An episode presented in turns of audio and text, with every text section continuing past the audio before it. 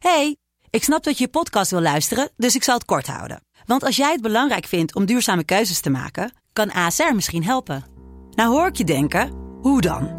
Nou, bijvoorbeeld bij het duurzaam herstellen van schade. Of de premies die we beleggen volgens ons duurzaam beleggingsbeleid. Dat bepaalt waar we wel en juist niet in investeren.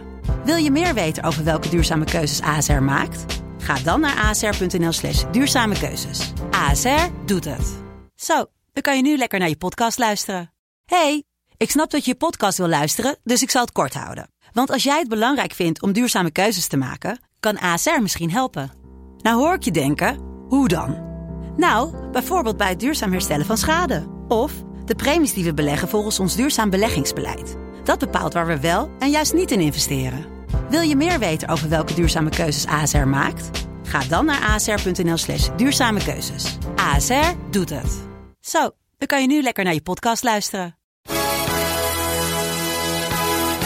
Dit is Mand, de kortste podcast van Nederland. Vandaag gaan we het hebben over corona. Jij hebt het gehad, hè? Ik heb het inderdaad Ja. gehad. Dus Hoe- eh, stel maar hoe, vragen. hoe was dat? Hoe ben, Ontzettend leuk. hoe ben je er bovenop gekomen? Gewoon wachten. Had je geen medicijnen? Ik heb geen, ja, ik heb een hexachloridine eh, genomen. Oké, en, en hoe werkt dat? Gewoon kut. Ik heb een hele witte anus nu. Dit was Mand. Mand.